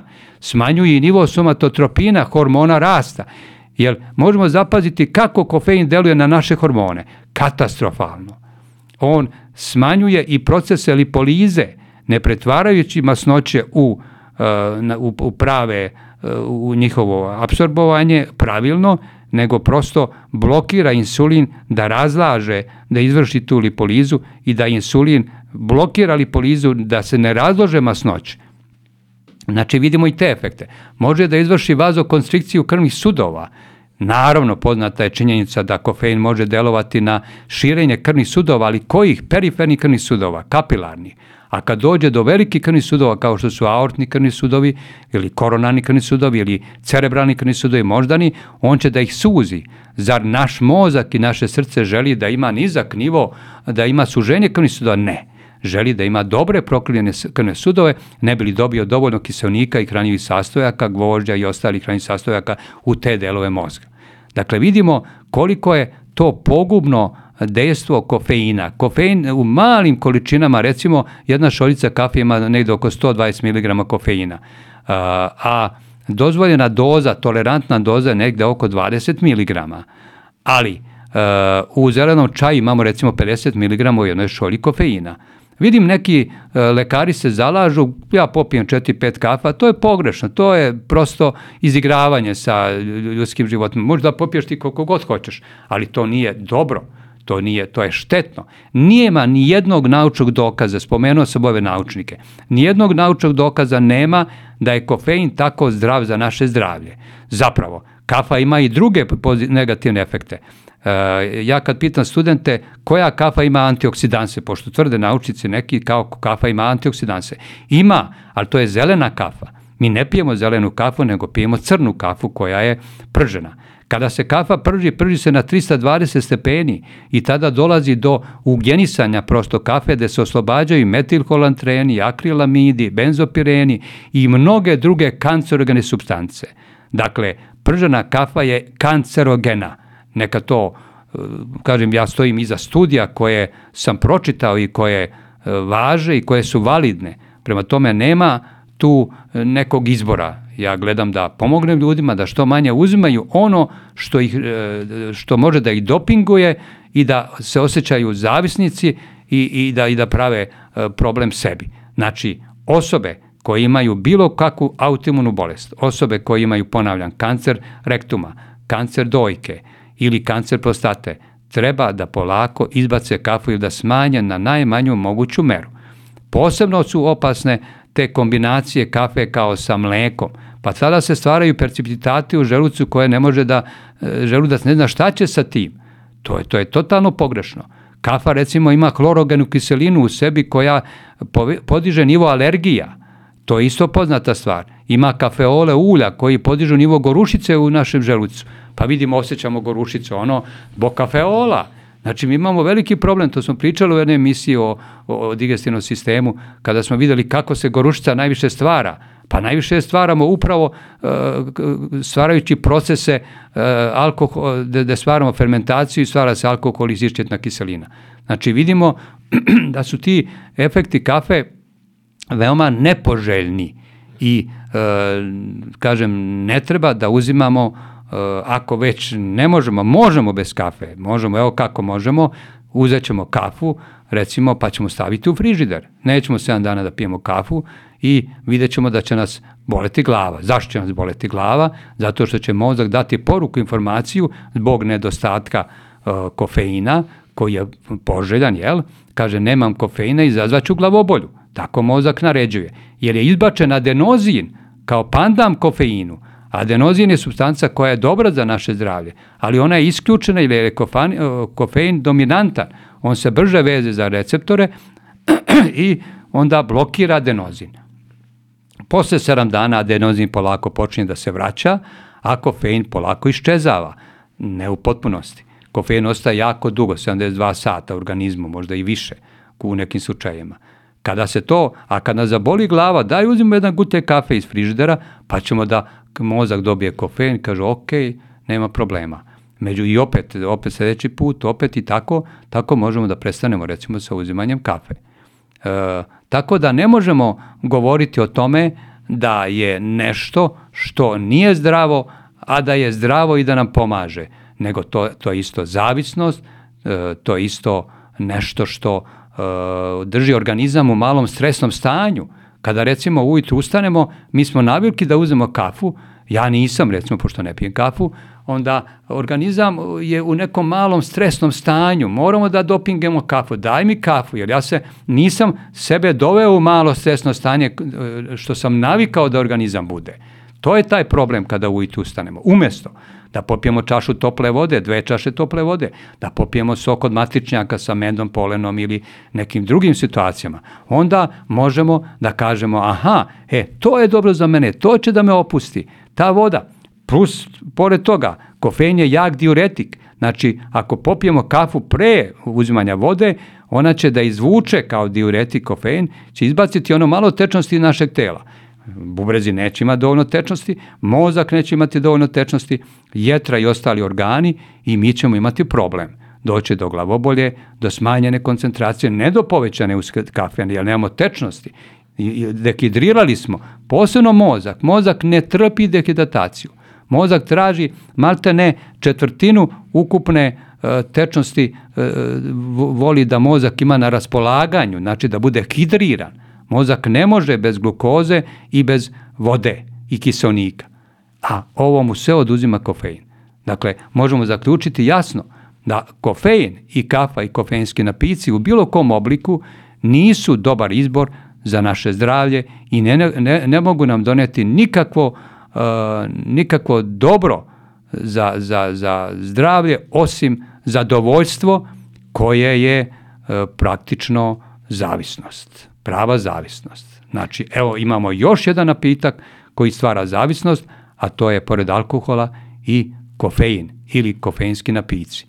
Imamo i, kažem, i u drugim mestima, ali o, najviše u kafi i u ovim o, e, u zelenom čaju ili u nekim drugim vrstama čajeva. Pa vidimo kako se, kada e, biljci kafi tamo gde se pravi gaj kafa, priđu insekti recimo, oni se parališu odmah samo padaju, ja sam to gledao na filmovima.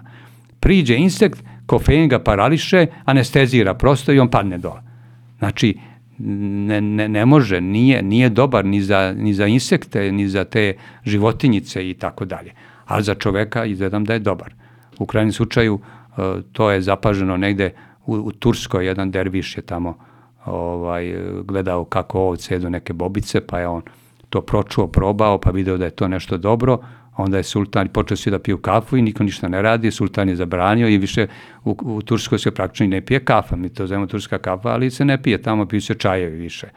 Tako da mi ovdje imamo našu kafu i u celom svetu se uzima dosta kafe, ali kažem, nije, nisam generalno protiv e, toga, e, ali sa aspekta zdravlja kafa nije namenica koja je zdrava i koja štiti naš organizam od bilo čega. Mada postoje neke studije, verovatno koje su tendenciozno e, napravljene, da je kafa kao dobra za zdravlje.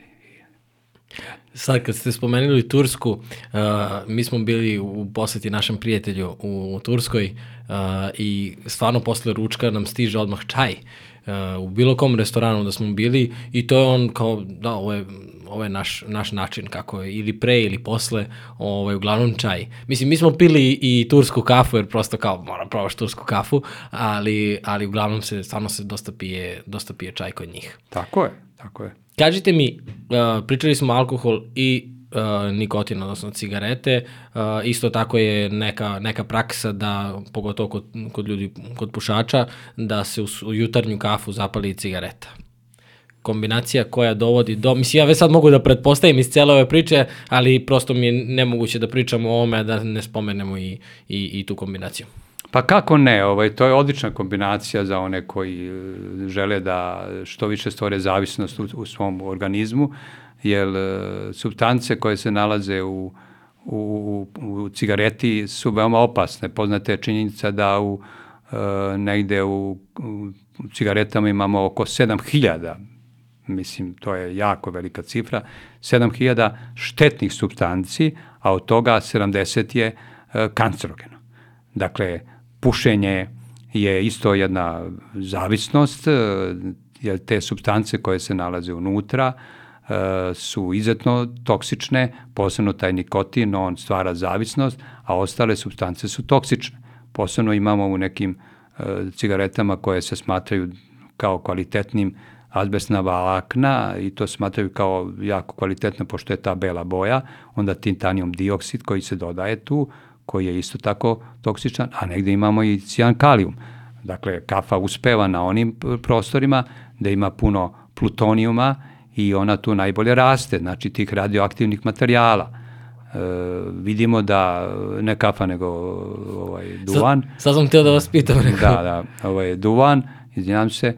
E, tako da e, duvan ne može biti e, koristan za, za ljude, e, ni u kakvom slučaju E, može samo napraviti štetu, on može da izazove znači, razne poremećaje, može da izazove e, isto tako kao i alkohol, kancer jednjaka, kancer usta, zatim e, jetru da ošteti, da ne govorimo o štetnosti na naš mozak, jer taj dim ko, u kome imamo svega i svačega, posebno ugljen dioksida, E, isto tako smanjuje mogućnost dovoda kiselnika u naše ćelije i naš mozak i naše ćelije, znači on blokira prosto dovod tih kiselnika koji je neophodan za, za vitalnost naših ćelija i time uništava i membranu ćelije, isto deluje katastrofalno na stvaranje energije.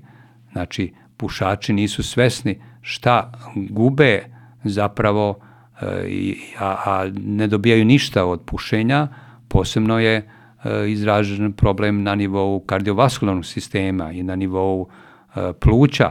Podnata je činjenica da recimo pušači imaju negde preko 70-80% probleme sa plućima u odnosu na nepušače, a kombinacija svih ostalih drugih faktora pogoršava to dejstvo. Kardiovaskularni sistem, povišen krvni pritisak, podjeđanje nivoa trombocita u telu, stvaranje arterosklerotičnih plakova, da ne govorimo o tome, posticanje uh, upalnih procesa, podizanje nivoa homocisteina koji stvara uplave na krvnim sudovima.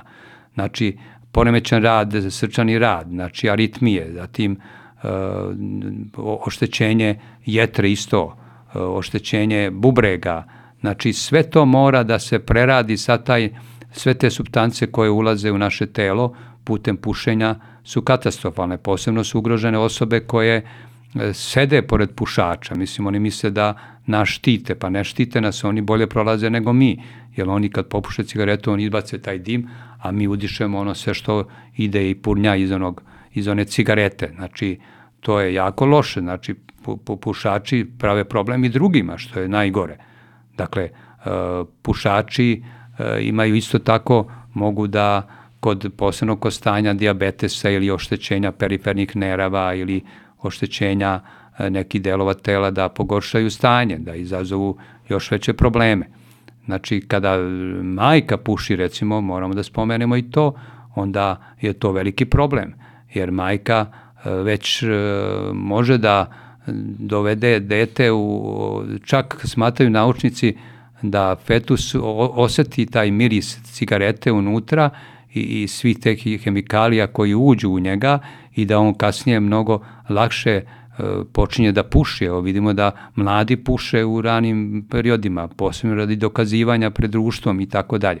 Znači, to je veoma opasno.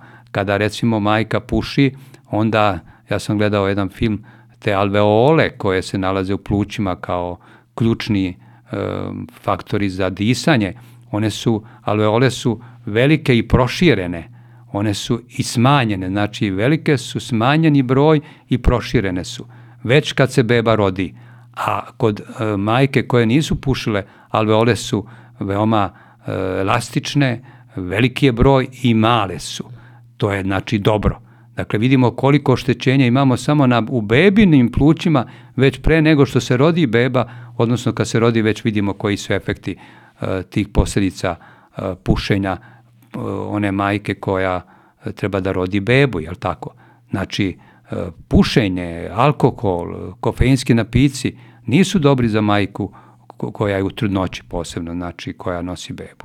Dakle, pušenje je jedan, jedan pravi problem, nacionalni problem kod nas, a i problem na, na nivou celog sveta.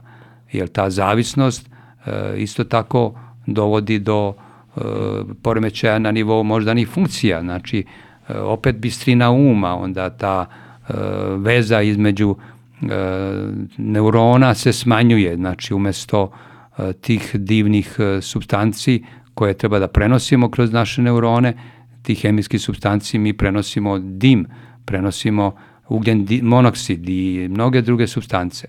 Dakle, pušenje je katastrofalno za ljude i zaista ljudi treba da se pitaju šta to čine sebi i svom zdravlju. Nema isto tako dela organa koji nije pogođen sa tim otrovnim materijalima koji se nalaze u, u dimu cigarete.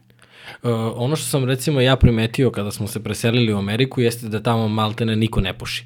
I onda sam prvo mislio, mislim, ne maltene, ja mislim da sam vidio dvoje ljudi, od toga je jedan Srbin ovaj, sa, cigar, sa cigarom bio za, za eto, godinu dana. Uh, I prvo sam pomislio, ok, reko, možda su cigare kod njih skupe. Međutim, u odnosu na njihov standard i, on, i kada bi napravio paralelu sa našim standardom, kod nas su skuplje cigare nego kod njih, a pritom kod nas svi puše. I onda sam pitao ljude zašto. I onda su mi davali najrazličitije odgovore od, od toga da je to da to nije zdravo, što je i logično, mislim nije to nova informacija kao cigare nisu zdrave. Međutim rekli su to smrdi, ne želimo uopšte da budemo u okruženju e, ljudi koji koji puše i tako dalje. I onda sam kad smo došli ovde kod nas i ovaj otišli smo prvi dan o, kada smo došli, otišli smo u restoran naš omiljeni da jedemo i svi su pušili i stvarno sve smrdelo i prosto je bilo je neprijatno jesti tu hranu. Nadam se da će se kod nas to promeniti zato što je o, ono što sam primetio u Americi, eto kako svaka država ima i neki plus i minus, ali prosto tako su oni napravili ceo sistem da je prosto o, gadno ti je da vidiš čoveka koji, koji puši, a mislim, ja se sećam kada sam ja bio klinac po osnovnoj školi, samo jedan dečko pušio i on je ono bio najveći ono, mafijaš po znacima navoda, sve kao čoveč, on zapalio cigaru. A danas, eto, sa 12-13 godina već deca krenu da puše, što je, što je opet problem, apelujem na, na društvo i na to što uh, ako ste roditelji, nemojte očekivati da deca neće zapaliti cigaru ukoliko su provela prvih 12 godina života gledajući vas kako palite cigaru za cigarom, što je, što je upravo što ste sada vi rekli i na uh, nivou biologije, ali na, na socijalnom nivou, prosto. o, dete vidi, dete radi, tako da je, da je to definitivno nešto što se mora menjati generacijama, ali ima, ima to neko to kolektivno uh, mišljenje da te cigara smiruje, da je oh, kad sam nervozan samo da zapalim, da imam nešto u ruci, pritom je to ovaj, potpuna onako jedna velika besmislica i ne, niko nikad nije zapalio cigaru prvu i rekao, uh, ovo mi baš prija. Svi pušači kažu da je, da je najgora ta prva cigara i to je prosto, telo ti odbija jer neće to. Meni se dopala jedna ovaj priča iz Bosne kad sam bio tamo i išli smo u obilazak tako da malo ispitujemo ljude oko pušenja i jedan čovjek iz Tuzle, nije iz Tuzle, iz Bihaća čini mi se, kad smo ga pitali kad pušiš, a on kaže samo kad sam smiren.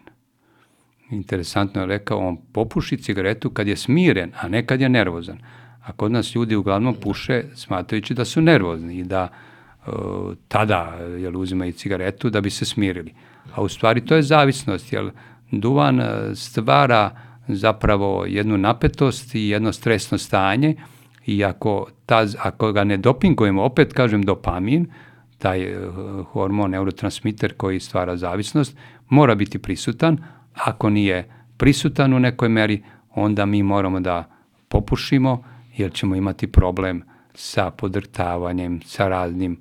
E, tu imamo isto i halucinacije, e, imamo razne snove koji su opterećeni, e, razne, imamo i čak one snove ko, ko, koji su veoma opasni, koji mogu da izazovu i možda ne udare u toku noći, ne samo kao posljedica pušenja, nego i neki drugi stanja, to su ti košmarni snovi takođe, ali mogu biti posljedica isto i tih halucinogena koji dolaze iz cigareta i iz dima.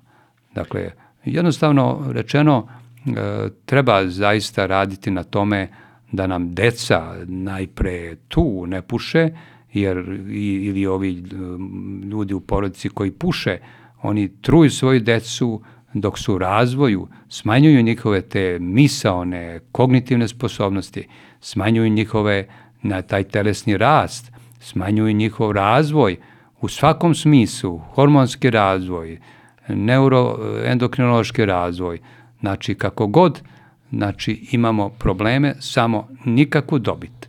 Otud zaista treba da smanjimo uopšte potrebu da, da pušimo i da ne probamo ono što je najvažnije.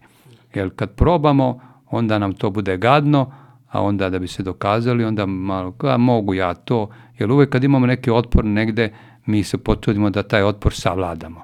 A to je taj način da nastavimo sa tim i onda on ima takvu sposobnost da stvori, stvara pomalo zavisnost, uzima, uzima čoveka, osvaja ga prosto rečeno i onda ga potpuno osvoji to dođe nešto kao kad, e, ajde da kažemo, pošto muškarci treba da osvajaju ženski svet, znači kada mi osvajamo neku žensku osobu, polako pokušavamo i najlakše osvojimo kad to idemo lagano, ne brzo. E, profesore, hvala vam puno. O, ja se nadam da će ova, ovaj razgovor naš biti jedno o, veliko upozorenje, apel i prosto poziv da se opametimo, da tako kažem. Koja bi bila vaša poruka za kraj? Eto, tako smo završili prethodnih deset ili koliko, koliko podcasta, ali mislim da je to jako važno da, da sumiramo uh, alkohol, kafu i cigarete u par rečenica. Pa evo, poruka bi bila veoma jasna. Uh, ako hoćemo da koliko toliko u, kažem, u ovim okolnostima i u vremenima koja nam nailaze, ako hoćemo da se opustimo i da e, nađemo mir u sebi, uzimo nešto drugo, uzimo e, nešto što će da nas opusti, a to je dobar izbor hrane, e, hrana koja je iz prirode, hrana koja nije denaturisana, uzimo one napitke kao što je voda u prvom redu i one napitke kao što su voćni sokovi, uzimo prirodu, da se krećemo, da se šetamo i da nađemo mir sa svih aspekata, a imamo i puno, umesto da se sediramo i da nađemo mir u pušenju, alkoholu i cigaretama i drugim napicima. To nam neće doneti dobro zdravlje i onda ćemo imati još veće probleme. Promenimo samo to, promenimo uloge, uzimo, okrenimo se ovim drugim stvarima. To bi bila moja prava poruka i moja želja da ovaj narod, moj narod, bude što zdraviji, jer to je moja velika borba, a evo borimo se i na ovaj način, kroz medije, kroz razne e, priče, da možemo da kažemo to, da bi nas ljudi čuli i da bi jednostavno, pa ne moraju da nas uvaže, ali neka razmisle o svemu tome, neka analiziraju šta dobijaju, a šta gube, ako urade ovo o čemu smo pričali i urade ovo drugo što mi preporučujemo. Ovi, ovi naši razgovori definitivno otvaraju i mnoga pitanja i to je nešto što dobijem kao, kao poruke e, i jednu jako važnu stvar, e, ljudi u komentarima pišu, ljudi mi šalju mailove, uh, traže mi vaš kontakt, gde je najlakši način da, odnosno kako je najlakši način da vas pronađu, kontaktiraju i da rade sa vama? Pa eto, ovaj, meni je drago što su ljudi zainteresovani da dam savet i ja to rado činim gde god mogu i na ulici i bilo gde, gde god me ljudi sretnu, pitaju, pa mogu da me kontaktiraju evo, preko e-maila momamatić52 gmail.com. Ostavit ćemo, ostavit da, ćemo da, e-mail. Jednostavan i eto, to je ono, ili telefon i tako dalje, tako da. Ja ću ostaviti definitivno mail onda u opisu za sve vas koji slušate, ali i gledate, uh, možete tu kontaktirati profesora. Uh, profesore, hvala puno na još jednom druženju, na još jednom predavanju i na uh, kvalitetnim, jednostavnim i lakim kako uputstvima, tako i upozorenjima i rešenjima. Hvala i tebi što ti umeš da izvučeš ono što je bitno i ključno, da bi e, prosto e, ja imao jedan pravi šlagvord za razgovor i odgovor na, na tvoja pitanja i to je ono što isto pokreće i dajemo jednu, jednu celovitu sliku o svemu tome. Znači, voditelj i onaj koji je gost moraju dobro da sarađuju i da budu sinhronizovani, a mi postižemo odlične rezultate po tom pitanju, tako da to je za čistu desetku. Dobar, dobar smo tandem, ne znam koliko su ljudi ispratili koji, koji slušaju, ali uh, već imamo, uh, pa mogu da kažem slobodno preko, preko milion pregleda, odnosno preko milion ljudi, ajde da kažemo da je nekolicina i gledala po nekoliko puta, ali slobodno mogu reći, eto, više stotina hiljada ljudi je čulo uh, vaša predavanja, tako ću da nazovem uh, ovo naša druženja kod nas. I uh, malo pre ste rekli jednu super stvar i samo želim još jednom da ponovim, a to je ta borba za naš narod i za, za zdravlje našeg naroda, što je onako prva, prva stavka kada je u pitanju neka lična vrednost i prosto, prosto život. Tako da mnogo mi je drago da smo se, da su nam se putevi ukrstili i da eto mogu da budem uh, neko ko otvara prostor za, za ovakve priče. Tako je i evo ja sa zadovoljstvom mogu da uh, kod mene evo naučio si puno od svega ovoga i savladao gradivo potpunosti tako da lako ćemo napraviti ovaj kompromis da ti polažeš te ispite. Mora jedna diploma stajati Tako ovde iznad mene, profesore, mislim da je red. Bilo bi red. hvala vam puno i hvala puno svima koji ste slušali i gledali ovaj podcast. Najbolji način da nas podržite jeste da se prijaviti na ovaj YouTube kanal. Uh, tu su i PayPal, jednokratne donacije i Patreon. Hvala svima vama koji ste nas podržali do sada na ovaj način i hvala svima vama koji želite da nas podržite i dalje, jer to je zaista, deo ste ove priče i tu smo e, da zajedno, kao što je rekao i profesor, definitivno ću se složiti, da menjamo, da menjamo apsolutno sve na našim prostorima. Hvala vam puno i vidimo se sledeći put.